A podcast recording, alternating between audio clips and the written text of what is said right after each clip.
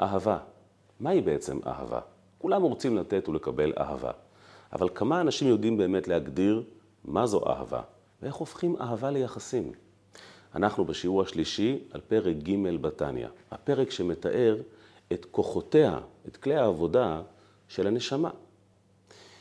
הכלל הראשון והחשוב שעולה מפרק ג' בתניא, הוא שהרגשות שלנו לא נועדו בשבילנו. נשמע לכם פשוט? הלוואי. רוב האנשים בעולם משוכנעים שהרגש שלהם נועד לשרת אותם. למשל, אנשים מתחתנים כי הם רוצים אהבה, הם מחפשים אהבה. הם רוצים שהרגשות שלהם ישרתו אותם, שהלב שלהם יתמלא באהבה. וזו טעות טרגית, משום שכך לא בונים יחסים. כי אם אתה חושב שהרגשות שלך נועדו בשביל עצמך, בעצם אתה משתמש בבן אדם אחר כדי שאתה תוכל לחוש אהבה. תחשבו על זה. אדם בוחר לו אישה כדי שהוא יוכל להרגיש אהבה. איזה כיף לאהוב.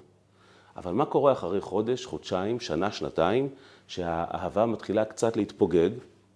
זורקים את האישה, זורקים את הבן אדם. אני כבר לא צריך אותו.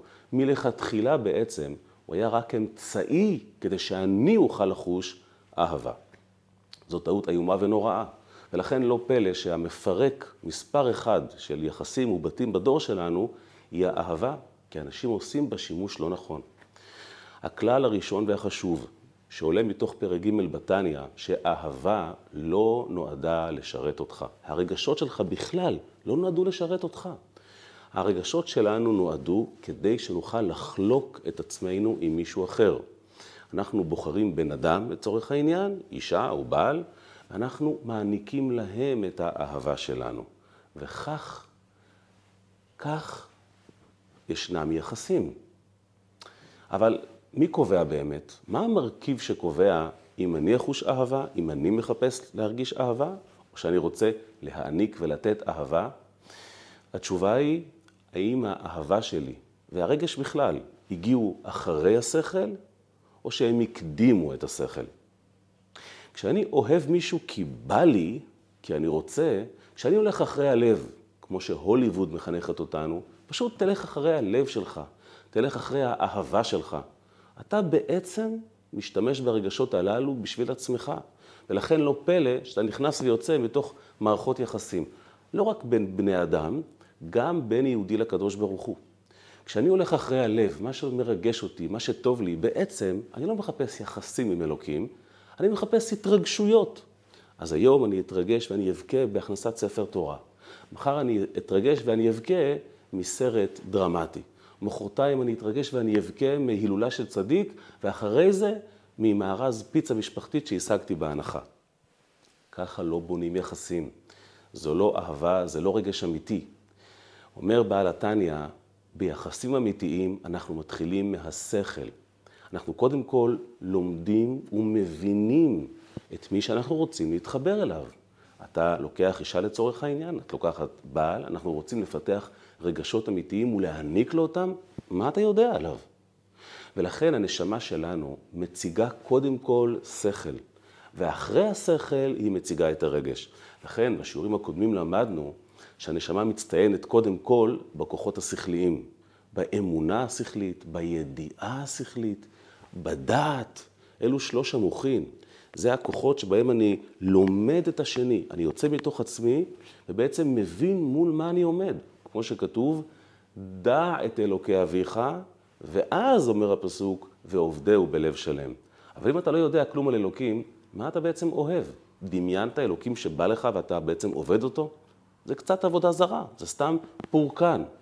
הלב שלנו הוא מדהים, אבל הוא מחפש התרגשויות ולא קשר. ובעיקר, בעיקר, הלב שלנו, הרגשות שלנו, לא לוקחים אחריות. היום בא לי זה, מחר בא לי זה, ככה לא בונים יחסים. ולכן, קודם כל, שכל. כשהשכל מתבונן ולומד ויודע מול מי הוא עומד, ואז נולד רגש, הרגש הזה בעצם הוא לא בשבילי. אני מקדיש לך אותו כמו מתנה. אני מקדיש לך את האהבה שלי, אני מקדיש לך את היראה שלי. לכן, אנחנו אומרים שאצלנו לא מתחתנים כי אנחנו אוהבים. אנחנו אוהבים את מי שהתחתנו איתו. אנחנו מקדישים מתוך החלטה מודעת את האהבה שלנו לאדם שבחרנו לחיות איתו את חיינו, ואנחנו כל החיים לומדים אותו, וגם כשלא בא לי, וגם כשלא מתחשק, אני מחליט בהחלטה מודעת ובהכרה מלאה להקדיש לך את האהבה שלי. גם ביום פחות מוצלח, גם כשאולי נדמה לי שאתה לא מבין אותי מספיק, גם ביום שיש לי המון המון המון סיבות לכעוס עליך. כיוון שאתה בן הזוג שלי, כיוון שאיתך אני מנהל יחסים, אני מחליט לאהוב אותך למרות הכל. זה הכלל הראשון והחשוב ביותר על עולם הרגש הפנימי. ולכן הנשמה שלנו מחברת יהודי לקדוש ברוך הוא, קודם כל מתוך התבוננות גדולה, ואז נוצר חיבור אמיתי, כמו שאמרנו, חוכמה, בינה ודעת, דע את אלוקי אביך, ואז אתה מקדיש לו את הרגש שלך. כי, כי זה מה שהוא בסוף ביקש. אלוקים מעניק לך כל כך הרבה. מה הוא רוצה בתמורה? שתאהב אותו. כי כשאתה אוהב אותו ואתה חולק איתו את הרגש שלך, אתם נהיים יחד. לכן יש מצווה לאהוב את הקדוש ברוך הוא ולירא מהקדוש ברוך הוא. אחרי שאמרנו את זה והבנו את הכלל החשוב הזה, וכדאי לזכור את זה, כי כשמישהו אומר לכם, התחתנתי כי חיפשתי אהבה, סביר להניח שהבית הזה לא יחזיק הרבה זמן מעמד. לא. אנחנו לא מאמינים בסיסמה I love you, שזה אומר קודם כל I, קודם כל אני, אחרי זה love, האהבה שלי, ואחרי זה you, אתה בסוף אמצעי. לא.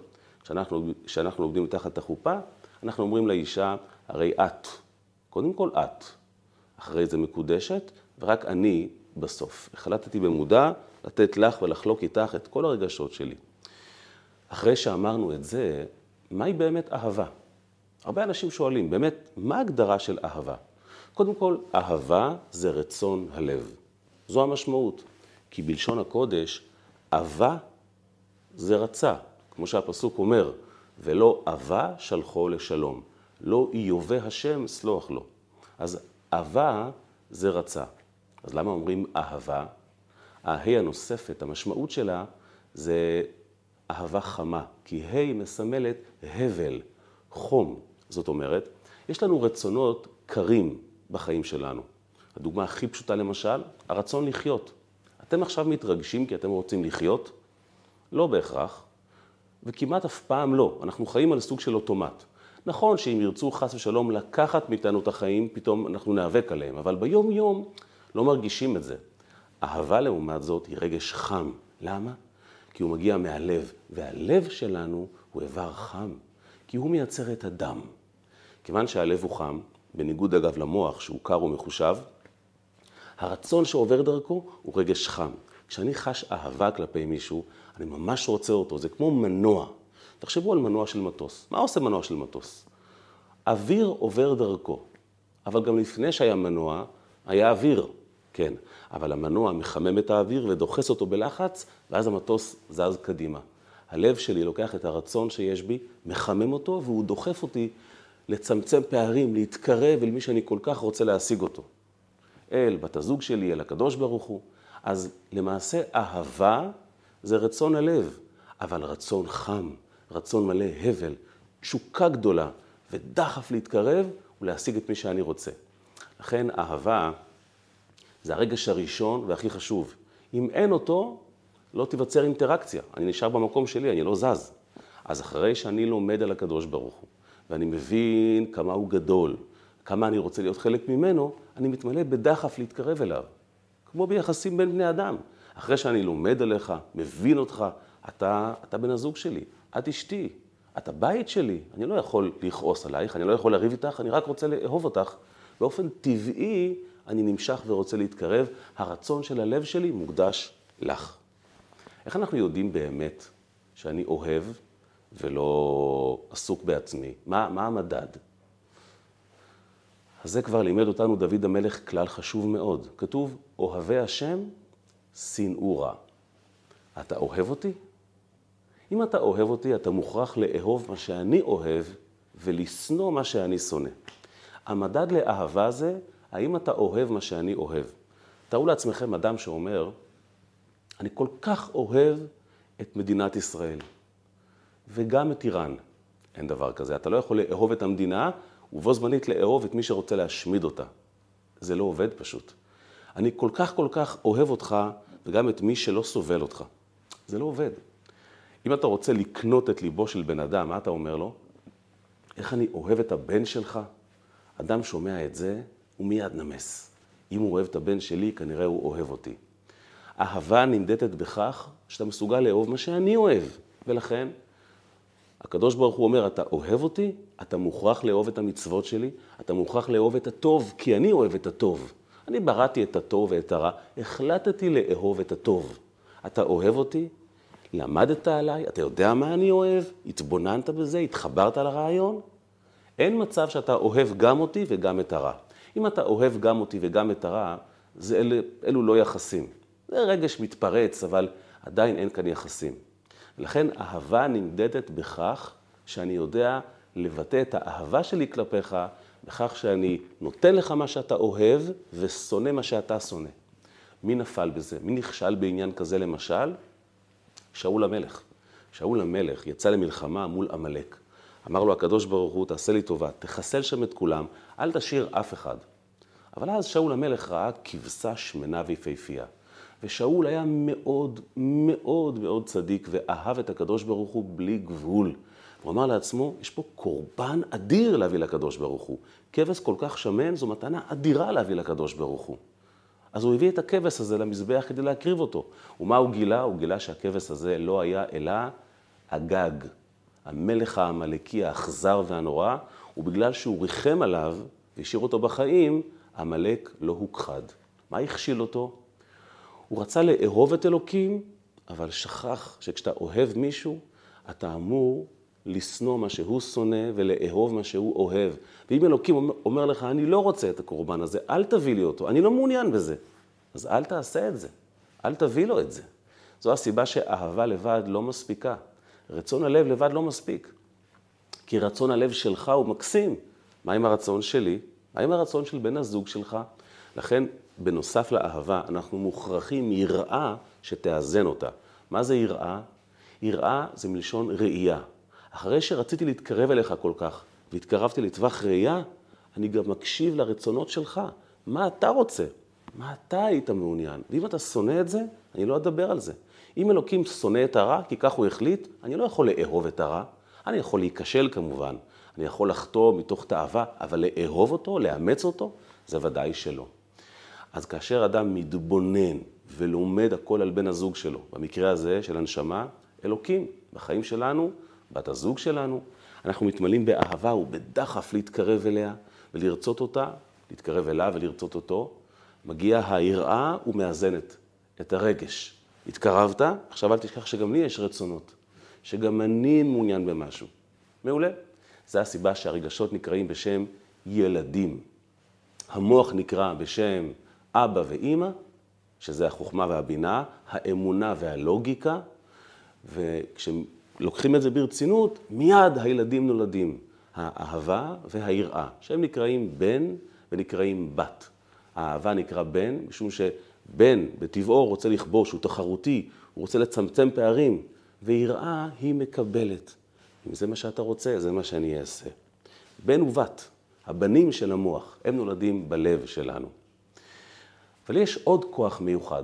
לפעמים אנחנו בתוך מערכת יחסים, והאהבה לא פורחת, וגם אין מי יודע מה יראה. אין לי סבלנות ואין לי כוח, אני לא במצב רוח, אני לא במוד. מה עכשיו עושים? כאן מגיעה לעזרתנו הרגש השלישי והחשוב כל כך, החמלה. או בשמה המקצועי, ספירת התפארת. תפארת זה יופי, יופי של מיזוג.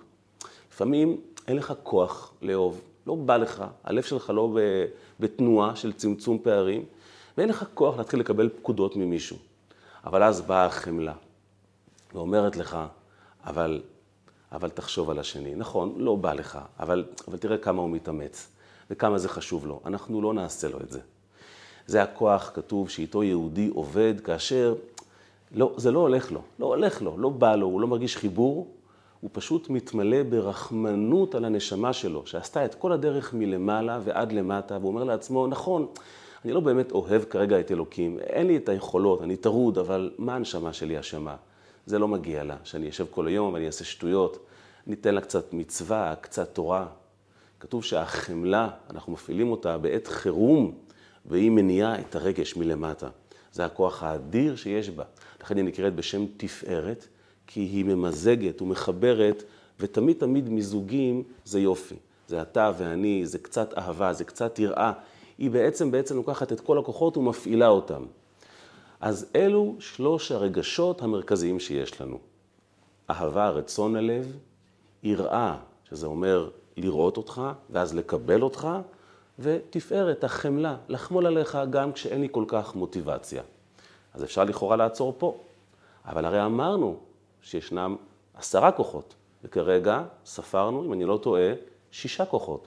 אמרנו שזה מתחיל בכוח האמונה, החוכמה, אחרי זה הידיעה, שזה הלוגיקה, הבינה, האימא, אחרי זה הדעת, שזה להתעמק, זה אומר להתאחד עם הרעיון, באמת להיות שם, ולא סתם איזה מין תובנה חולפת, ואז נולדים הילדים, האהבה והיראה והחמלה. שישה כוחות. זה לא מספיק. זה לא מספיק משום שהעובדה שאני אוהב אותך, או אני הרי ממך, זה הכל מתחולל בתוכי. אבל בדרך כלל כשאנחנו אוהבים מישהו, צצים אתגרים פתאום. מרחק, קשיי תקשורת, בושה גדולה. יש הרבה מאוד מניעים לבטא את האהבה שלי. כאן מגיעים לעזרתנו שלושה כוחות נוספים.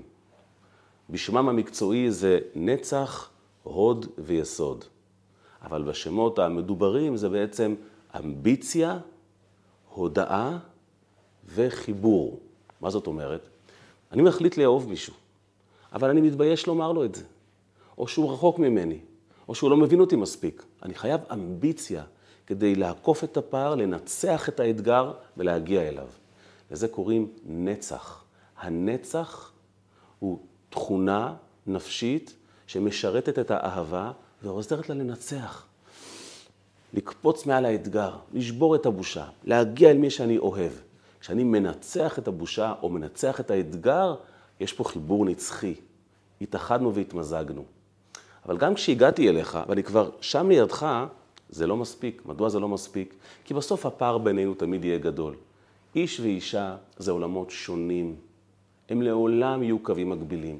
אז אחרי האהבה שלי ואחרי היראה שלי, ואחרי כל רגע שאני מקדיש לך, בסופו של דבר, אני חייב להודות שבסוף יש מרחק בינינו ואני אכבד אותו. זה נקרא ספירת ההוד, ההודאה.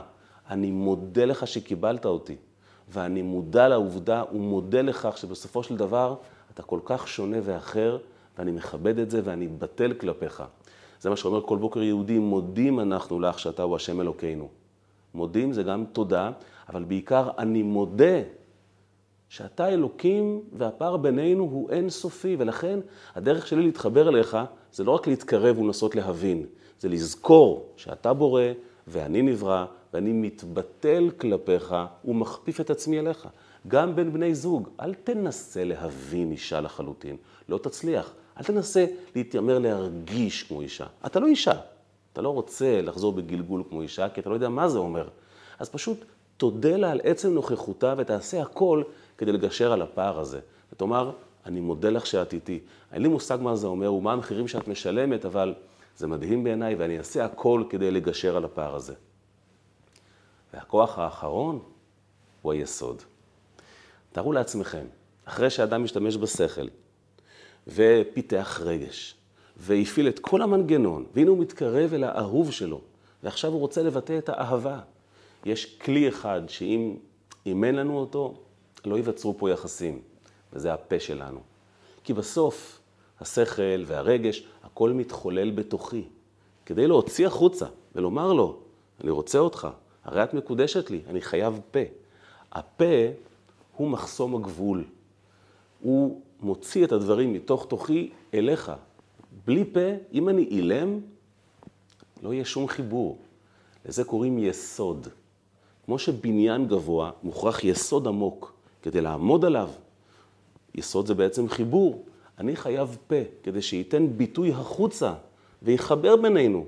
ייצור בתוך תוכך יסוד להתחבר אליי. אני אומר לך, אני אוהב אותך, אני רוצה אותך, אני חומל עלינו, אני מודה לך. כל הדברים האלה לא יצאו לפועל בלי הפה שלנו. וזה נקרא ספירת היסוד. דוגמה לזה, למשל, לצורך העניין, תחשבו על עץ גדול. אם אני רוצה לשתול עץ, הייתי צריך לקחת עץ שלם ופשוט לתקוע אותו באדמה. אבל זה לא מה שאנחנו עושים. אנחנו לוקחים גרעין קטן, וזה דבר מדהים. בתוך גרעין יש עץ שלם. יש שם קוד של עץ שלם. תפתח את הגרעין, לא תראה שם עץ. אבל יש שם קוד אלוקי שמחזיק עץ שלם. אתה שם אותו באדמה, הגרעין הזה נעלם ומתמזג באדמה וצומח לך עץ. הגרעין הוא כל העץ בתוך קפסולה קטנה. היסוד, המונח הזה יסוד, שנמצא לרוב מתחת לאדמה ומחזיק את הבניין, הוא כמו הגרעין שנמצא מתחת לאדמה, הוא מצמיח את העץ. וביחסים, יסוד זה היכולת לקחת את כל הרגשות שלי, את כל התחושות שלי, לדחוב אותם בכמוסה אחת, במשפט אחד, חזק ועוצמתי, ולומר לך אותו, ולהעביר לך אותו, כדי לשתול את זה בתוכך, כדי שתחוש משהו כלפיי בחזרה. זה היסוד, זה הגבול שעובר ממני אליך.